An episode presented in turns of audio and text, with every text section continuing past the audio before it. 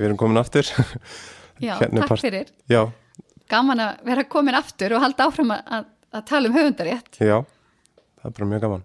Ef þið er ekki búin að hlusta fyrsta partinn, þá endilega farið tilbaka og hlusta á það fyrst. Hann var alveg frábær. Alveg stórkoslegur. Að því varst að tala um hérna með kvikmyndir og þáttaræðir. Kannski bara svona að tala, ef við getum talað aðeins með metadata og Q-sheets. Já, emmitt, emmitt. Já, þetta er mjög góð punktur. Hvað er það? Um, þegar við tölum um metadata þá er í rauninni bara verið að tala um upplýsingar. Mm. Það er rauninni bara skráðar upplýsingar um lægið, Ok. um verkið. Þannig ekki láta það hugtak flækjast fyrir ykkur. Q-sheet eru ákveðin tegunda skýslum sem að segja til um hvaða tónlist er spiluð í viðkomandi sjóstætti eða í viðkomandi kveikmynd.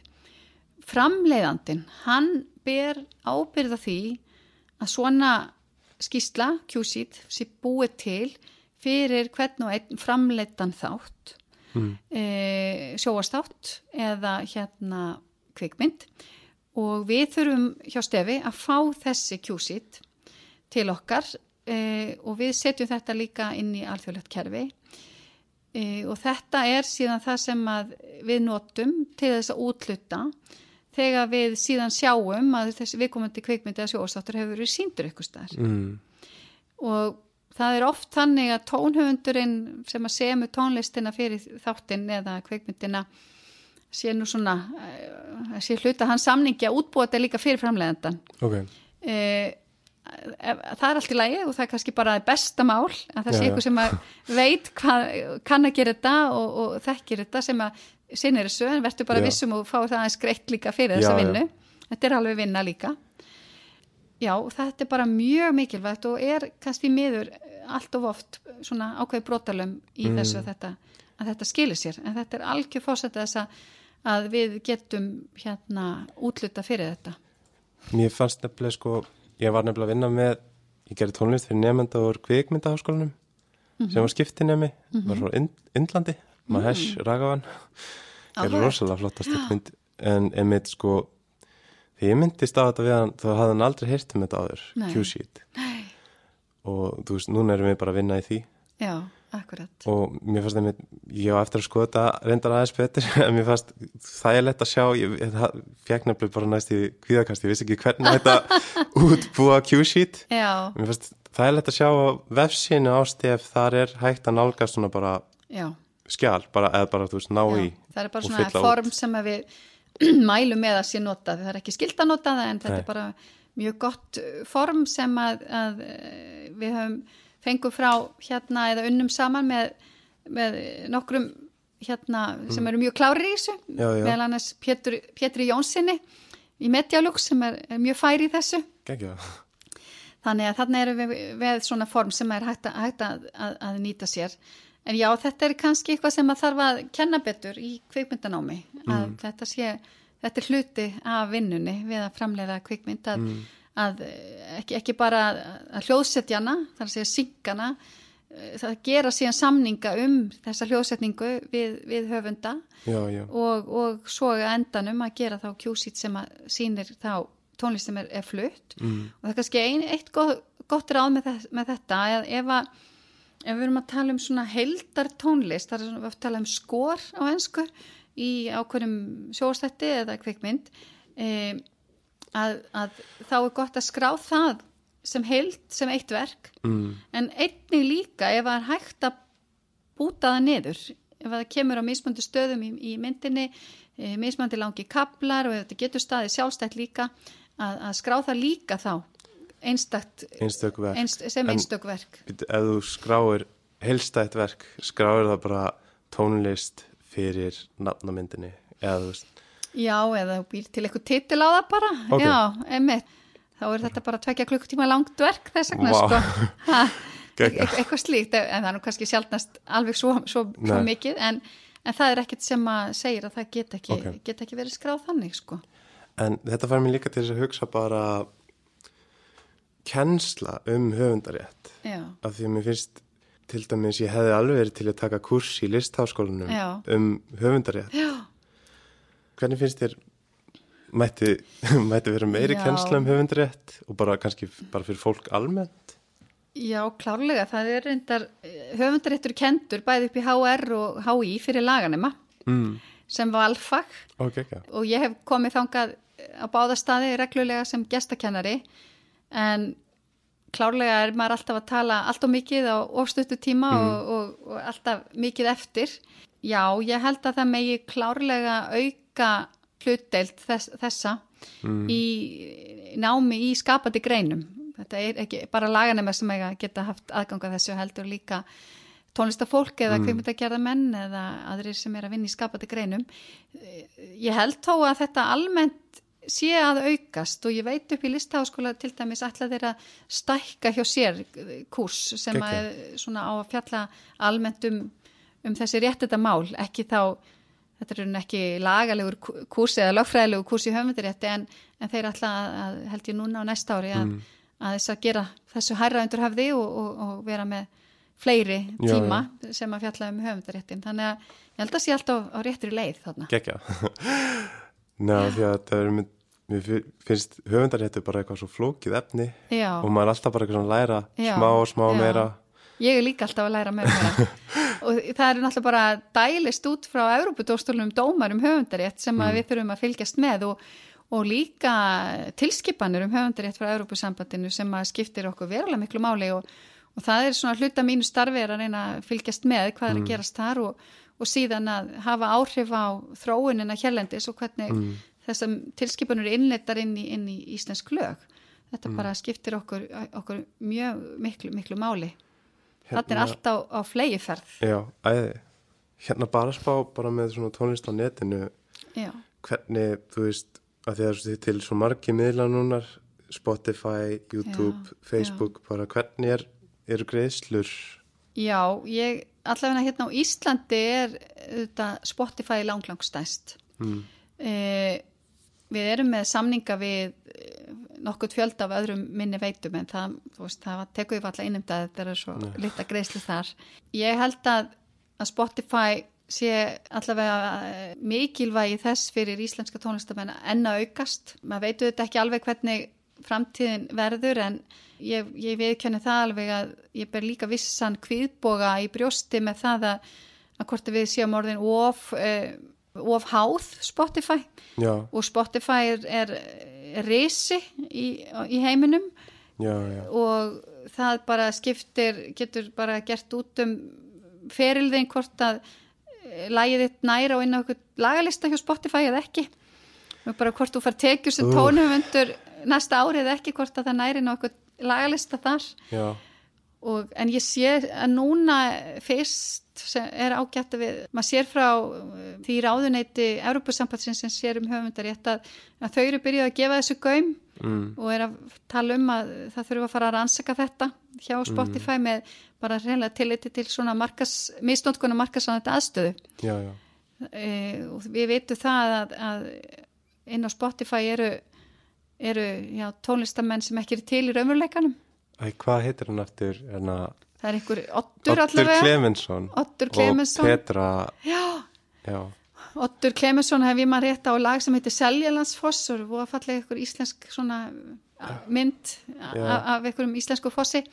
Kannski Seljalandsfossi sjálfum, ég veit það ekki en, en þarna ég mín kenning persónlega er svo að, að þetta sé í rauninni einhvers konar artistar sem að Spotify sjálft hefur bara fengið til þess að semja lög og Spotify sjálft á höfunduréttin af. Mm. og með því að lauma þessu inn í vinsala lagalista þá bara þurfa þær að greiða minna út til höfunda. Ég Og- hugsalega er þetta búið til af gerfigreind já, guð minn góður, nei, já, En- maður spyr sig. Nei, sagði einmitt frétt frá Music Business Worldwide, Já. þar sem voru að tala um þetta. Já, og póstuðu fimm, l- lista af 50 listamennum sem að held að væri já fake eða fals Já. listamenn. og svo er þetta bara einhvern veginn gerist það að, að meðan að neytendur bara spila lögin hans odds, bara um, alveg eins og lög einhvers eh, lifandi listamanns og eru ekki beinlega eins að hoppa yfir þau eða sínaði minni áhuga þá hlýtur það að hvetja Spotify til þess að gera meira þessu og þetta er mjög okkveikjandi framtíð sem við horfum þarna á. Maður verður svona hálf þunglindur við tilvíksununa en samt er Spotify góði gæði sko í Já. þessum bransa og er þó að, að, að greiða alltaf mm. skilvíslega og, og, og já, við erum að horfa á að, aðrar veitur bara eins og YouTube sko sem við erum jú erum með eitthvað samning á papirnum en hann er verið að gefa okkur bara hræðilega lítið. Ok, e, og svo Facebook sem við erum með tilröna samning við núna til tveggja ára sem borgar okkur bara engreðslu en skilar engum upplýsingum um rauninni hvað er verið að streyma þar. Nei. E, þú veist, þetta eru rísarnir sem að sem að við þurfum að beita okkur miklu harðar gegn og þarna til dæmis talandum Europasambandið og þá er komið núna tilskipun sem á einlega íslensk lög sem að setur þessum veitum já, strángari skilir en áður, hvað var þar að, að semja við höfundaréttarsamtök þannig líka kannski eins og Facebook og YouTube í farabróti svona fyrirtæki sem að eru kannski ekkit beint með ekki tónlistafyrir, eða þú veist ekki Nei, með tónlist í huga Þarna er kannski mestu peningurinn í því að eiga myndbandið sko. Myndbandið sem slíkt er me- meira virði heldur en tónlistin sem spiluði myndbandinu. Eitt sem að ég svona vissi ekki er að maður þarf að sporga skatt af höfundarétt Já, það bara kom mér svolítið ávart Já. Ég held að ég veit ekki. Þetta eru auðvitað tekjur eins og aðra tekjur. En gleðilegu tíðundin er svo að bara um síðustu áramót þá breytist þetta. já, Þá hérna gengu í gildi lög sem breyttu skattalögum. Mm. Þannig að nú er eftirleiðis greittur fjármastekjuskattur af höfundaréttatekjum en ekki venjulegur tekjuskattur. Og það auðvitað munar um minna. Ok, því að fjármastekjuskatturinn er 22% ok en launaskattur er hvað frá 40 eða já, að getur farið alveg upp í 46% wow. þegar hann er hæstur. Á móti þarf að horfa á það að þegar það er ekkert að draga frá neitt kostnað þegar maður greiðir fjármastekjuskatt en eh, áður en maður greiðir venjulegan tekjuskatt eða þú ert í, sem sagt, í rekstri eins og, eins og tónlistamæður bara samt að kannski á þinni kennitölu e, þá hérna er þetta að draga frá kostnað sem á móti eins og við að reka stúdjó eða eitthvað slíkt. Enga síður þá þetta voru við búin að rekna þetta fram og tilbaka og niðurstanu svo að þú þarft að vera með mjög mikinn kostnað til þess að borgi sig að greiða þetta sem e, launaskatt en ekki fjármastekjuskatt eða eiginlega yfir sko 40% af heldatekjuðinum auk þess að þegar þið út komið með tekjurnar aðeins herri og þú ferði fara upp í herri skra- skattprósentu alveg jafnvel upp í þessi 46% að þá klárlega skipti það enn meiri máli að greiða fjármastekjuskatt en launaskatt. Og þetta var bara stórkoslegt skref. Þetta hafði verið stefnumál og baráttumál stefs í tuja ára. Margir formenn stefs búin að reyna að beita sér í þessu máli í gegnum árin. Mm. En núna náðust það og ég mér langar bara nota tækifærið og segja það hér að, að það var við megum þakka einu manni fremur en öðrum fyrir þetta að ná þessu í gegn og það er Jakob Fríman Magnússon mm. og við þetta þökkum honum kærlega fyrir öll hans góðu störf og, og hann, þetta er eitt þetta verður, svo, verður svolítið hans held ég ég má sletta svona legacy að skilja þetta eftir sig að þarna er mega íslenskir tónlistamenn sannlega hérna, heiðra hann fyrir þetta. Kannski eitt í þessu svona praktistatrið er að að fjármastekjuskatturinn er alltaf engungu greittur á einstaklingum, ekki Ok. fyrirtækjum.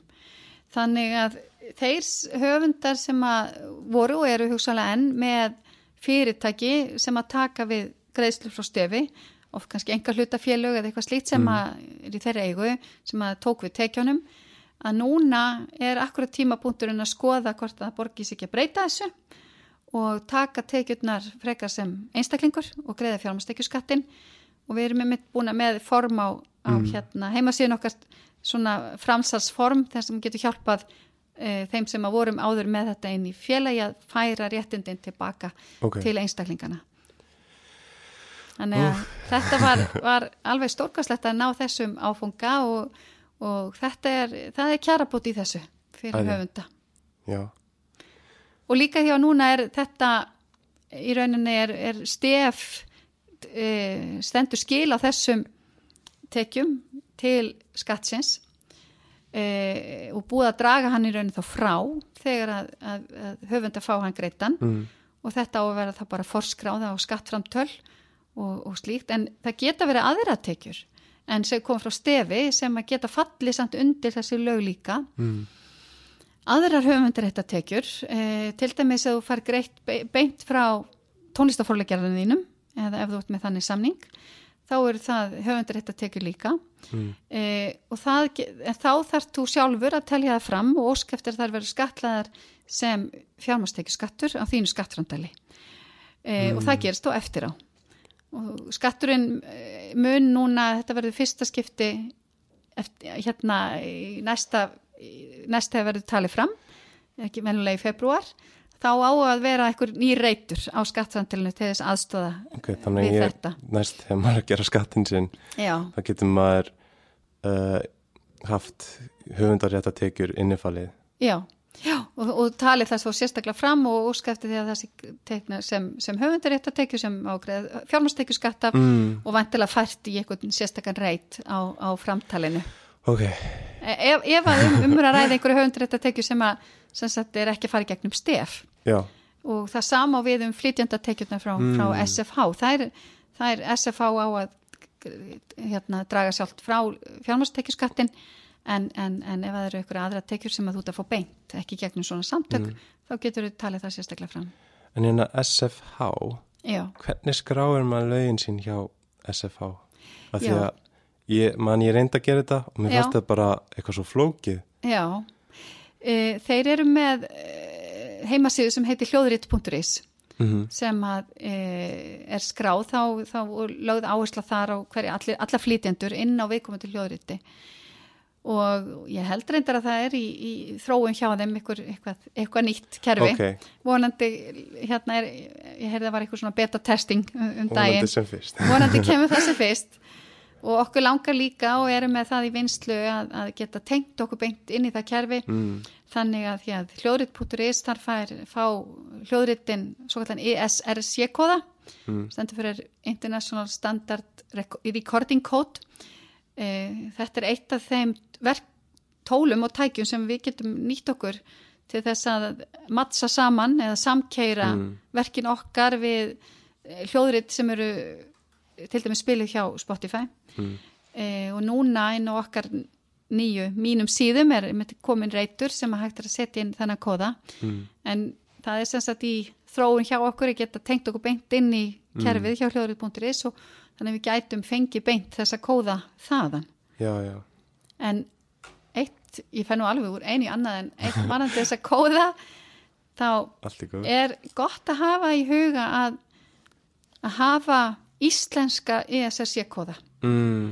e, Og það er bara hægt að fá í gegnum hljóðrið já, ég held að það sé engungu hægt að fá það gegnum hljóður.is á Íslandi en ef að þú ert ekki búin að fara í gegnum þann prósess og fer til dæmis í gegnum aggregator eða miðlara ellendan eins og TuneCore, Phonofile, CD Baby, DistroKid eitthvað slít þá gefa þeir þér ef þú ert ekki búin að fá kóða áður sjálfur og setja hann inn þegar þú skrá, hleður verkunum þar inn að þá gefa þér, þeir þér E ESC-kóða Já, já, En ég mæli með því að reyna að nota íslenska því að það er eitt af því sem getur hjálpa okkur að, að segja, heyrðu, jú, þetta eru verk sem að tilhera Íslandi mm. og peningarnir eiga að koma hingað. Ég er búin að vera bara rosa stressað sko með að skrá lög og þú veist, einmitt Já. þetta metadata á ISRC-kóða sem er eiginlega bara barkóði fyrir lögin, er Já, það ekki? jú, jú. Og Kennitala, kennitala. já, sem sagt. Af því að einmitt bara, mér ámar ég að lesa einhvers staðar að það er sé alveg 20% til dæmis á Já. Spotify sem að þú veist, fer ekki til höfundar, höfundar út af bara, Tekst ekki að samkera þau. já, ég tekst veit ekki að vera saman eða finna. Nei, akkurat, það er alveg hárrétt og þetta verður bara alltaf meira og meira og meira vandamála, þetta er svo biljónir keislna og þetta er svo mikið magn af, af, af, af, af gögnum sem þarf Já, að já. keira saman að eh, bara einn stafsetningavilla í, í, í, í, þegar, í, í skráningunni getur bara haft mjög mikil, mjög, já, mikil, mikil áhrif þannig að Svolítið líka bara vinna. Bara og svo er þetta að vinna og það er kannski eitthvað sem að útón hefur reynda staðið sér frábælega vel ég er að reyna að menta hérna og fræða eh, fólk, ekki bara tónlistamenn heldur þá sem vilja vinna með tónlistamennum og eh, við erum svolítið hérna, allir eru svolítið að gera allt sjálfur já, já, já, eins og, eins og þú ert búin að segja ég, þú ert að gera þetta allt sjálfur já, sem er frábært því þá neyðist maður til að læra það en, en eh, ellendis er, er, eru kannski hljómsveitur oft með meira bakland með mm, mm. búinir að eh, hérna gera samninga við tónlistafórlegjara eða útgefenda og umbósmenn og bókara og, og fólk sem svolítið sér um þenna, þessa hlið. Já, því að þetta er vinna og það þarf ekki sinnenni og gera hana vel og, og hún hendar ekki jafnvel öllum stundum er kannski bestu tónlistamennir ymmit frábæri tónlistamennir því að af því að hérna það henda þeim að vera skapandi en er ekki, ekki, besta fólki til þess að halda utanum hérna flutningir sinn í Excel og halda utanum skráningar og, og annað slíkt. Þetta eru svona mismöndi hæfileikar sem Já. ekki alltaf fara saman. já, En það þá bara, ef maður er ó, óviss að, að einmitt að leita, leita sér aðstóðar og, og vonandi sjáum við að, að, að við getum byggt upp hérna meiri tónlistar yðnað og meiri störf í kringum tónlist og, og við erum alveg á réttri leið. Ég sé mikið mjög núna og bara frá því því ég byrjaði að vinna í þessum geira. Að, hérna, að við erum á réttri leið með þetta. gegja Ísland er bara svo lítill markar Já, að akkurat, akkurat en, og svo þarf maður að vera mjög þólimóður fjárfestir sko, eða ef maður fjárfestir í sjálfum sér og ætlar að vera umbóðsmaður einhverja íslenska tónlistamanna að, að geta unni kannski í langa tíma á þess að byrja að sjá tekjur. Og svo vonandi blómstrar það einn daginn og þá, þá skilar vinna sér vonandi tilbaka Já. Uh, Ég er bara að spá hérna Jóhann Helgason já, keisið, já. hvað finnst þér um Mér finnst þetta aðeins bara svo sorglegt allt saman. ha, ég, það er nú kannski svona þessi tilfinning sem kemur upp, sko, við, hún er bara mjög erfið. Það er bara þannig, hann er að glíma við stærstu risan í bransanum. En ég, ég skil hann vel að hann verði bara, ég eitt skipti fyrir öll að fá niðurstöði í þetta mál. Og svo er, einmitt, eins og ég segi, sko, spurning hvernig, hvernig þetta endar, hann er, hann er ekki baki dottinn, hann er að, ennþá í baráttunni, þannig Já, að við skulum sjá hvernig, hvernig þetta þróast. Sá dómur ekki að hjálpa Jóhanni sem að eh, er að hluta til að byggja út af því að, að, að norski höfundurinn hann hafði aðgang að lægi Jóhans söknuður, hann hafði dvalið hérna á Íslandi og hann hafði fengið væntanlega eða líklega afhent spólu með íslensku lögum sem var ætlað til þess að að reyna að koma eitthvað, eitthvað lengra Já, já, og, og svo framvegist en, en einmitt var að lesa eitthvað að þið voru að segja að þetta væri líkt Danny Boy en ég bara sé það ekki Nei, einmitt, akkurat. En við fáum hjá stefi alltaf annað kastið fyrirspurnir um svona, um svona lög eða um, um stuld mögulega á, á höfundaverkum. Mjög líklega kemur mjög oft í kringu Eurovision og koma akkurat svona spurningar og við erum með matsnemt hjá Já. Sem að meðlumir okkar geta leita til ef að Ok. þeir hafa einhver álitefna þessu leiti og þá skoðum við auðvitað hvers eðlismálið er og uh, hvort að, að matsmennir séu tilbúinir að, Mm. eða hvort þú getur fengið þá til þess að gefa út álit sitt.